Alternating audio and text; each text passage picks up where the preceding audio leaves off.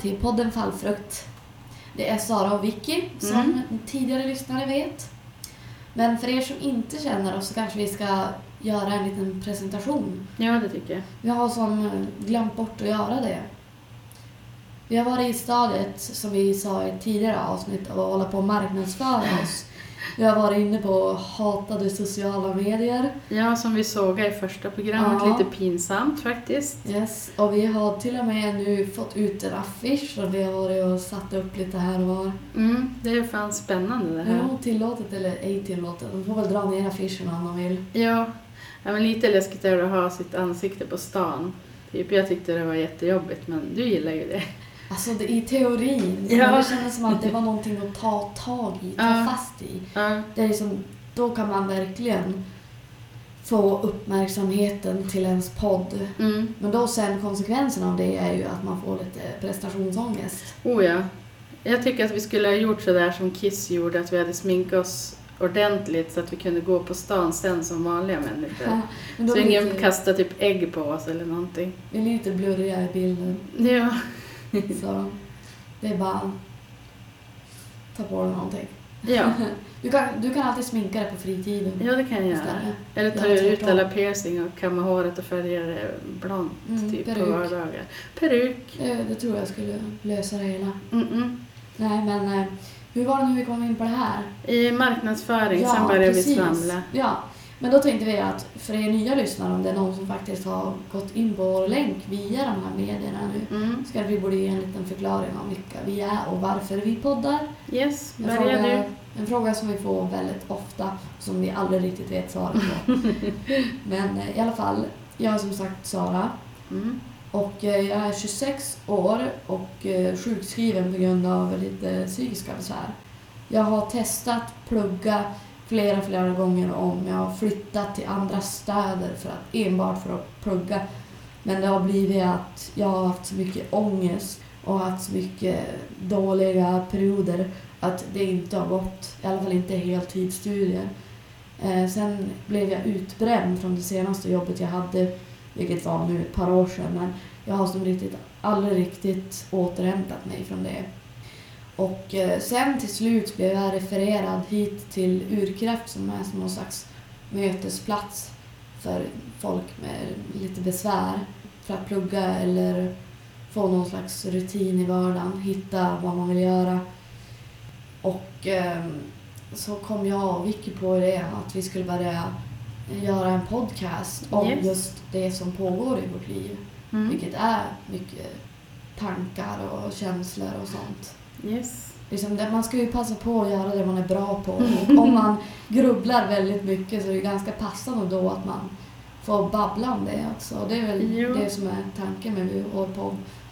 Jo, det är det ju. Vill du beskriva lite grann hur du hamnade? Eh, Ja, jag kan ju bara berätta att jag har en sån avancerad trippeldiagnos som är jättesvår att uttala men bipolär med borderline personlighetsstörning och generell ångest. Så, jag klarar det. Eh, Men jag går på medicin så jag mår rätt okej just nu. Mm. Jag fixar i alla fall att sitta här med Sara och podda så att det är framsteg. Nu har vi ju hållit på med marknadsföringen och det har splittrat vår eh, fokus lite grann. Mm. Så vi vet inte riktigt hur vi ska påbörja ett nytt avsnitt. Nej, lite nervös där, eller mycket nervös Väldigt där. mycket supernervöst. Mm. För speciellt ni som har varit i vår omgivning. Vi har varit nästan psykotiska i alla fall. Ja, Jag. ja du. Ja. Nej. Temat är i alla fall utanförskap. Yes, och vi har varit tillfrågade av en lyssnare att göra ett program om det här. Och det är ett ämne som ligger oss väldigt nära om hjärtat. Och så berör det ju alla i stort sett. Utanförskap har väl alla egentligen varit med om. Mm. Av och till, vissa mer eller mindre. Ja, det antar jag i alla fall. Jo, Jag hade varit med om det i alla fall. det, det kan ju vara socialt, alltså hur många vänner man har eller var, var man har vänner, om det, man har för lite där man bor eller om man har för lite på sociala medier. Det är ju ganska mycket hets kring sånt så det, Ja, det är som Många- en tävling. ja där kan nog folk relatera jävligt mycket Mm. det här med likes och skit. Eh, sen har vi arbetslivet liksom på fikapauserna, Mm. på jobbet eller hur mycket man har att säga till om på jobbet. Om man känner att man bara är ett redskap eller om man känner att man har en uppbackning av sitt team, av ens arbetskamrater. Det kan ju Mm. påverka arbetet väldigt mycket. Sen skola, det är väl det Det värsta stället så- alltså ever att vara utanför. Ja, det är fruktansvärt. Ja. Skoltiden. Ja, men den går ju över som tur är. Ja. Så håll ut ni som går skola och inte känner riktigt som alla andra. ja. Det blir skolan. bättre. Man kan ju plugga i vilken ålder som helst men Mm. nu tänker vi väl mest på ja, men de här nästan obligatoriska skolformerna. Ja. Som grundskolan, gymnasiet där de flesta går på. Om Sånt man som inte har sådana problem med utanförskap så att till och med det inte går. mm, Att man kan bli utanför där. Även om man tycker man söker sig till grejer så man borde hitta folk med gemensamma intressen. Så kan det ju vara att man blir utstött. ja, eller bara man- känna sig utanför utan att man blir utstött. Utan bara känna att shit, det här Ja. är annorlunda igen. Ja, allt ligger i huvudet, eller inte Mm. allt, men mycket. Och sen, jag menar, det här sprids sig ju till alla områden. Jag menar, man kanske går skola med dem som man går fotboll med Mm, och då för liksom den sociala kretsen, den ligger på alla områden, speciellt när man är ung mm. och man har som en begränsad omgivning. Ja, och så ska man då försöka passa in. Ja, Jag har i alla fall försökt passa in ganska länge i mitt liv, kanske tills jag var 13, 14. Funkar ju sådär då. Sen upptäckte jag att det var fan lättare att vara sig själv och vara ensam. Det är lättare att välja utanförskap, att man mår liksom bättre av det än att Mm. bli ut, Alltså- utknuffad. Självvald isolering. Ja, Alltså man blir inte ratad av någon, man ratar alla andra. Ja, precis. Men då ratar man sig själv också lite grann. Så att jag mådde väl kanske inte supermycket bättre av att isolera mig heller från alla andra. Men det var åtminstone jag som valde det. Man kan tänka att då har man bara sig själv att skylla om man inte har Mm. vänner. Man blir ju lite ärrad av ja, det mesta här i livet. Ja, Och vi hade väl tänkt gå igenom kanske lite händelser som har påverkat oss vad gäller vänskap och att passa in. mm, Jag hade väl tänkt prata om en speciell tid i mitt liv när jag kände att jag verkligen fick uppleva utanförskap och konsekvenserna av det för min självkänsla mm, och självförtroende. Det var så att när jag var ungefär 10 så flyttade jag med min familj till USA på grund av att pappa skulle jobba där. Eh, Vi var borta i två år och det kanske inte låter så mycket men när man är i den åldern, innan alltså tonåren, så är den enormt lång. Det är en evighet. Man mm. hinner förändras så himla mycket. I alla fall, jag flyttade ju då och jag hade ändå min vänskapskrets innan jag flyttade. Men eh, när jag då var borta, då utvecklades ju som vi i helt olika riktningar. Jag klädde mig annorlunda, jag lyssnade på annorlunda musik, jag hade pratat engelska i två år så jag kunde knappt svenska längre. Det, jag visste som inte mycket vad, vad mina kompisar hade sysslat med. Det här var innan så här, sociala mediehetsen. Mm. Liksom, vi skrev brev, vill jag minnas. Men Riktiga brev. Riktiga Med brev. papper och penna. Med papper och penna. Oh la. Eh, Och tyvärr inte så himla ofta heller. Men jag, jag tänkte ju att nu kommer jag tillbaka. Nu får jag äntligen tillbaka mina vänner. Nu är det bara att liksom hoppa in i leken igen. För jag hade Mm. varit ganska utanför i USA. Eh, hade väl inte hunnit komma in i kulturen och sen att man inte kunde engelska till en början var ju också ett problem. Men eh, det lärde man ändå sig ganska snabbt. Men då var ju i och för sig annorlunda för dem. Mm. Så det var också en anledning varför jag inte hann skaffa så många vänner. Men i alla fall när jag kom tillbaka och skulle börja umgås med några kompisar igen. De var, de var som taggade i början. Bara, Åh, nu kommer Sara tillbaka. Eh, sen upptäckte de att jag inte var samma Sara som de hade sagt hej då till två Nej. år sedan. Okej. Och jag upptäckte väl att de hade nya intressen eller hade så här interna skämt och annan stil. Mm. Upptäckte jag väl, men jag hade liksom ingen val än att ja, men försöka relatera till dem och försöka umgås med dem. Mm. Eh, Men jag blev ganska så snabbt puttad utanför. Eller vad ska man säga, jag, jag var inte så himla cool. Lite utfryst där. Är lite utfryst och Ja. kunde inte relatera till mig. Och jag blev ganska så förtvivlad över det här så jag varit ganska så nedstämd och väldigt aggressiv. Mm. Och de som har lyssnat på avsnittet om ilska, Mm. jag kan ta det här igen. Jag varit väldigt, väldigt arg och var väldigt verbal om det hela. Och det gjorde ju att jag fick ännu färre vänner, att jag blev ännu mer utstött eller ignorerad. Jag blev inte så mycket mobbad än bara ignorerad och Mm. ibland tycker jag nästan att det är värre. Ja, Att inte känna att man kan kontrollera, att man inte blir sedd oavsett vad man gör. Mm. När man som bara helt, så här, helt försvann. där tror jag tjejer är värre än killar när det gäller att frysa ut. Ja, mycket snack bakom Ja. ryggen. Och, Mind games. mm, killar är mer sådär, ja, men de slåss lite grann. Okej, det är inte okej att vara mobbad fast man är kille, men det känns som att det är lite mer fysiskt. Det är lite enklare att ta, men jag vet faktiskt inte. Ja, Jag skulle hellre vilja ha en käftsmäll än ett halvårs utfrysning i alla fall. då, då vet man i alla fall hur situationen är. Vad, vad är det man ska göra då? Slå tillbaka förmodligen för att Ja. få respekt. Men när det kommer till sån här, just den där åldern, då är det väldigt, väldigt så viktigt exakt hur man är och vad man Mm. pratar om. Mm. Men nej, så jag, jag var ensam ganska länge. Jag hade lite, ja, men lite lösa vänskaper till de som också var kanske lite utfrysta.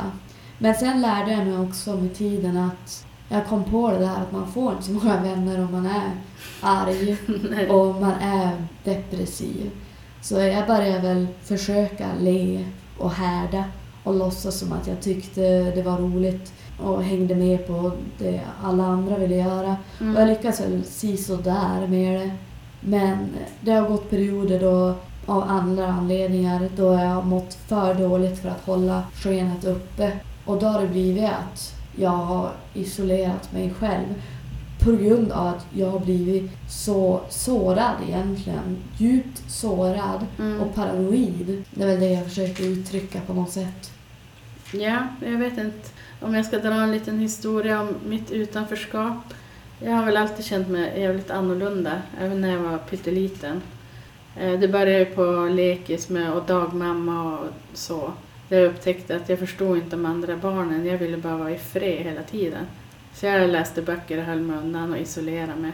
Och började må dåligt, mycket dåligt. Men det är svårt att uttrycka det när man är för liten, för man har inga ord att sätta på det. Men i alla fall vart jag ju lite äldre så småningom och började skolan och började spela fotboll, vilket jag inte ville egentligen, men jag ville ju vara som alla andra.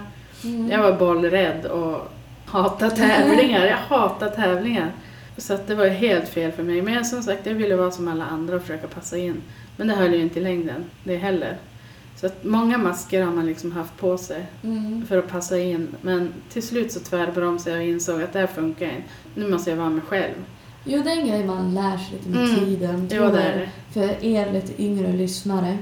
Till slut bara, nej det är inte värt att jag ska sparka runt på en boll och bara hata det. Nej. För att folk som jag inte kanske egentligen delar något intresse med egentligen ska gilla mig. Nu är det här att ens självförtroende får ju en boost om man är med i alla sammanhang och kan liksom intala sig själv att ja, men jag är en sån där fotbollstjej. Ja, oavsett vad det är för grupp Mm. jag menar, man kan ju vara utstött även om man går i alla de här sporterna och hobbys, Jo. hobbysarna. Ja, då märker man liksom att man inte passar in någonstans. Då blir det ännu värre. Då isolerar man sig ännu mer och vågar inte prova på nya grejer. Ja, men vissa hobbys är säkert jävligt roliga om man känner att man har en gemenskap med de som också utövar den. Ja, precis. Ja, sen så tvärbromsade jag mitt i alltihop det här och insåg att nej, nu går jag min egen väg. Förlora kompisar eller inte. Och det jag förlorade ganska mycket kompisar, men det fanns faktiskt några kvar också. De tackar jag för. Tack. Mm. Och så måste man ju säga att det är väl kanske ett ganska bra test på vilka som är vänner värda att behålla. Ja, det är Det är det. de som liksom står ut med en när man mår dåligt Mm, och när man är sig själv Mm. genuint och öppet. Det är ju de man vill umgås med egentligen. Det är inte värt att bara gå runt och lida och låtsas älska världen och tycka att allting är roligt och vara underhållande. Bara för att umgås med folk som man egentligen inte ha så mycket gemensamt med. Eller som inte bryr sig. Förutom då de stunderna då man kanske är underhållande Mm. eller whatever. Ja, precis. Då har Kompisar som hellre- väljer en beroende på vilket humör man är på. Ja, då eller? har jag hellre färre vänner men vänner som jag kan prata med. Ja, det är mycket mer värt än hundra stycken vänner på Facebook. Typ tre, fyra bra vänner i verkligheten. Eller jag har det ungefär. Och jag vet inte Ja. om det blir svårare kanske att skaffa vänner när man blir äldre. Alltså när man går ut skolan och så. Mm, alltså när folk hamnar i relationer brukar det bli den här sambofällan. Ja, Att de bara umgås med varandra hela tiden. ja. Och de börjar gå ut och och jobba och sen kommer de hem, äter mat, Mm. eh, gillar lite grejer på Facebook Ja. och säger godnatt. Man har mindre tid att socialisera. Ja, så när man inte har något jobb till exempel, då har man ju inte någon speciellt stor social spelplan eller vad man kan kalla det. Nej, det är möjligtvis om man hittar forum och intressegrupper på internet. Man kan ju kanske hitta folk som man har mycket gemensamt med Mm. och som man kan prata med. Det som man väljer själv när man svarar på meddelanden och sånt och om folk tycker att det är värt det så kommer de nog vänta på ett svar. Mm. Man är ju som inte inkastad med ett gäng ungar i ett klassrum Nej, och måste ständigt försöka vara så trevlig och populär och rolig som Ja. möjligt. Och försöka värja sig från alla idioter. Mm. Det är inte så lätt när man sitter på 30 kvadrat eller vad det kan vara. När man ska välja så här, ja men vem vill du arbeta med? Och sen sitter man där ensam bara, ja men ingen vill arbeta med mig tydligen. Då Nej. får jag göra det själv den här gången också Mm. kanske. Det under skoltiden är ju en ofrivillig social plats Mm. man är i. Mm. Där man känner att man behöver ha vänner. Det är självklart. Men när man blir lite vuxen då är det lite mer att man, man får välja vart man vill gå här i världen. Man har ju mycket större frihet vad gäller att, ja, men, platser att jobba eller studera. Mm. Det beror på vad man prioriterar. Så det måste man ju säga att det blir lite bättre med åldern. Valfriheten är större. Och det är lättare att hitta folk man delar intressen med. Mm. Ja, och folk ju- mognar ju också runt omkring en. Jo, det måste man komma ihåg. Att, jag, menar, jag är inte bitter över hur det blev när jag var yngre Nej. och den här grejen som blev när jag kom tillbaka från USA. Jag kan tycka att det är ganska sorgligt att jag blev så himla alltså, socialt fobisk Mm. av det. Men hjärnan har inte växt klart i den åldern. Och det är mycket mer av en tävling. Popularitetstävling och sånt Mm. menar du? Jo, folk kan inte med. De har inte varit med om saker som kan inte empatisera Nej. med en som har varit borta från landet i två år. Det är Mm. självklart, de har inte den erfarenheten. Nej. De vet inte hur det känns. Och man kan inte riktigt prata ut om det då. Nej. Det är en mognadsgrej mycket. Men såklart så finns det ju fortfarande, vad, kallar man det, vuxenmobbning? Ja, mobbing på jobbet. Jo, vuxenmobbing. Alltså, hallå. Visst har man blivit vuxen liksom och kan ta ett vuxenansvar. Och så kommer man från skolan. Jaha, nej, då ska man bli mobbad på jobbet också. Man, man vet ju som inte vad folk har, hur folk har vuxit upp eller Nej. vad de har varit med om som gör att de inte har mognat på mer än, än, än gymnasiet. Ja. Men jag har inte himla stor erfarenhet av mobbing på jobbet då jag inte haft så mycket jobb. nej, inte jag heller. Jag har aldrig blivit jobbmobbad i alla fall. Mm. Kanske inte så mycket mobbad överhuvudtaget genom livet men De har inte vågat sig vissa, på. ja, precis, vissa perioder. Ja, jag är för hård. De är rädda för det. Mm, precis. Nej, det tror jag. Jo, det tror jag visst det. Men eh, lite sådär utanför. Det var en tjej som hade hästar när jag var liten. Man ville ju hänga med henne för att, hon hade, för att man skulle få rida då. Men då dissade hon en i två veckor och sen vart man bästa kompis med hon och så, sen dissade hon en i tre veckor till. Så det var väldigt förvirrande just det där. Och det är ju lite som mobbing tycker jag. När Att man är, blir utesluten ur ett sammanhang. Jo, det är inte mycket som krävs för att det ska bli så. När man är liten, och speciellt när man är tjej, det är så jävla mycket skitsnack bakom ryggen. Mm. Det är liksom pakter nästan. Det är som Robinson. Ah. Alltså det är det. Man är bästa vän med någon och sen är man plötsligt typ värsta fienden. Mm. För att någon sa någonting till någon annan kompis som sen har spritts vidare och blivit helt förvrängt. Det är lite som den här leken när man sitter i en cirkel och ska så viska typ Ja, banan.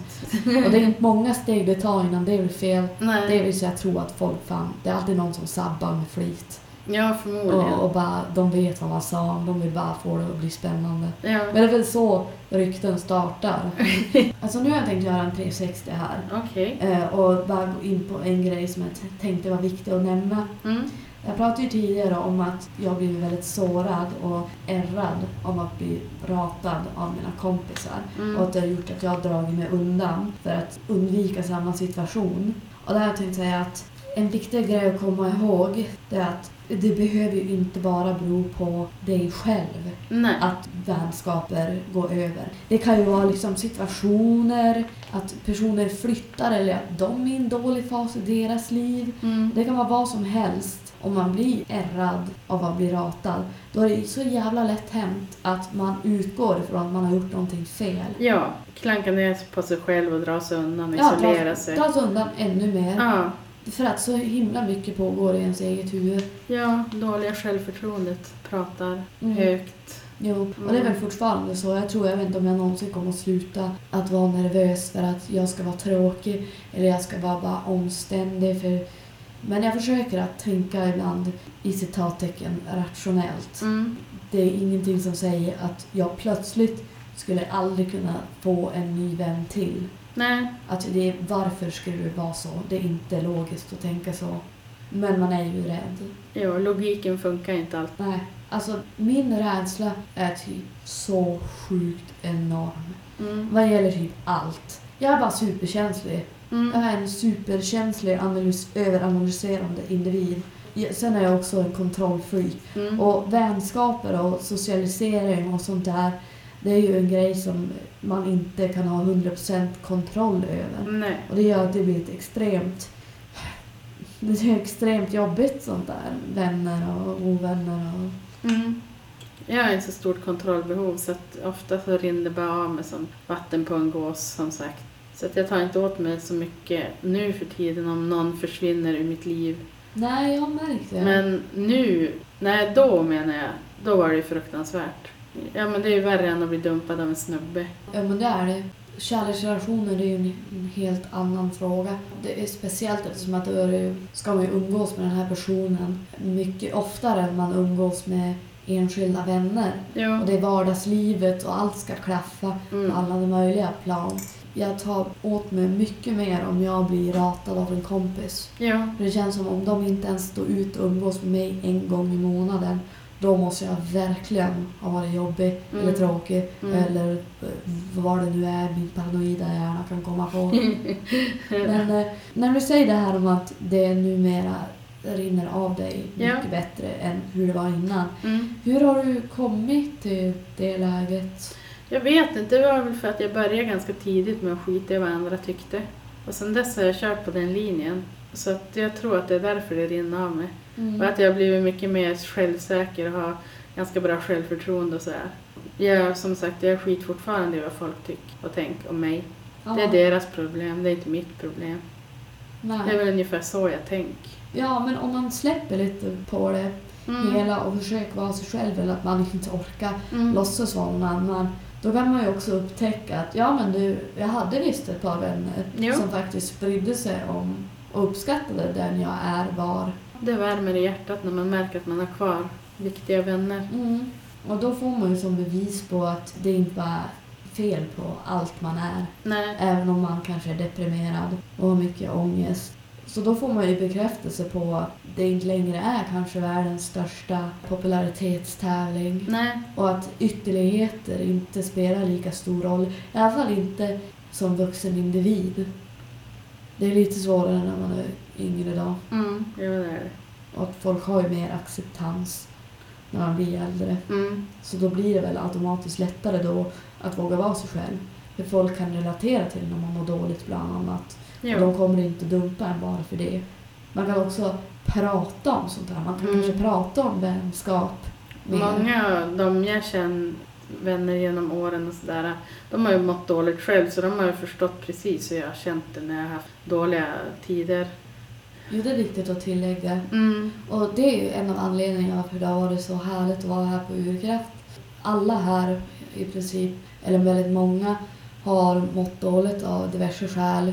Och det gör att de blir mycket mer sympatiserande och accepterande människor. Ja, det är bara ödmjuka människor som är här tycker jag.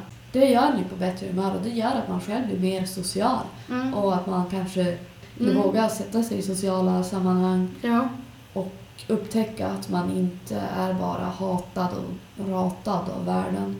jag har bara blivit bättre och bättre på att vara social. Ja, man har varit isolerad under en lång tid och bara haft sina egna självhatiska tankar Ja. lyssna på. Då att få lite bekräftelse från andra, det gör extremt mycket för ens självförtroende. ja, det är det. Och att folk har uppmärksammat den här podden på Urkraft och tycker att den är jättebra, det känns jävligt stort faktiskt. Man tänker så här att nej, jag ska vara självgående, jag behöver, behöver ingen bekräftelse. Men Nej. jag tror fan, hade inte jag fått någon bekräftelse här, då hade det gått åt helvete Ja, betydligt tidigare. ja. Det, än är det inte för sent, Nej. det går åt helvete. Nej, ja, nej, nej vi, det får inte ut, hända. vi håller ut just nu som det Ja, ser ut. vi har inte tid att bryta ihop. Nej, vi har inte. Vi, Nej. vi måste twittra. Det är mycket viktiga grejer vi måste hålla koll på nu så att det måste göra. Vi kan ju inte marknadsföra någonting som inte finns. Nej, det är en resa. Sen hoppas vi självklart att om det är någon som kan relatera till oss, att de kanske Ja, må bättre.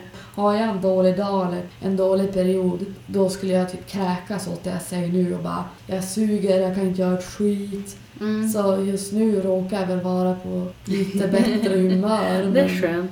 Jag tyckte om det här med att sätta upp affischer. Ja, jag kändes, såg det. Det kändes som att göra någonting. Känns som att man gjorde någonting. Ja, Väldigt handfast. Jag fick få ut lite ilska också när jag var tvungen att stämpla. ja, just det. Fast de där förbannade affischerna. Ja, attackfäste fast Jo, bara, nu ska ni gärna lyssna på och nu kan ni inte frysa ut med något jävla mer. Nej. Okej, på tal om affischer. Vad är nästa steg i vårt poddarliv tror du? Ja, förutom att utveckla det hela social media-kretsen Mm. Så är halvmotvilligt.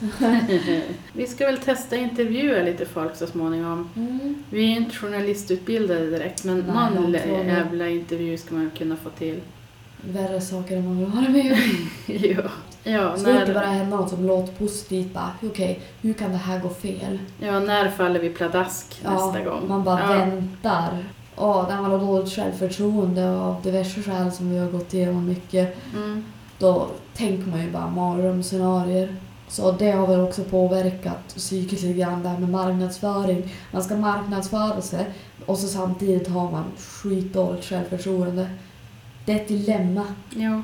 Alltså, det här med att tänka logiskt och inte gå in i känslor, det är så, så supersvårt för mig. Jag är en hetsig människa. Så jag bara jag är en lugn och stilla människa. Katatonisk. Precis, Jag tror du är som bara... du bara, ja men ingenting berör bara, du, du har redan farit farit av liksom. Jag Du, ramlar av du är så grenen. paralyserad av skräck, du vet inte ens. Nej, nej. Det måste vara det. För jag är då så här off the wall. Ja, nej. Men bara jag inte har en stor jävla bild i Skellefteås stora tidning så att alla ser mig, det skulle jag inte fixa. Ja, Det, du, va? är inte en utmaning? Jo, det är Det en utmaning. Ja. Nej, men det går bra. Ja, det tror jag. Vi kom på häromdagen bara att vi jobbar faktiskt ett halvtidsjobb. Vi skulle bara få betalt för det också. Ja, det, det skulle vara en hjälp eller typ bekräftelse. För Pengar. på något vis funkar det i mitt huvud ja, men får du pengar för någonting, då har du gjort det bra. Annars kan du tolka det hur du vill huvudet. Det är det enda som liksom verkligen kan ge en sann bild av din prestation. Jaha. Men då har jag extremt mycket prestationsångest för det mesta. Mm. känns som pengar, det är valutan som ger bekräftelse. Pengar är ett jävla påfund. Ja.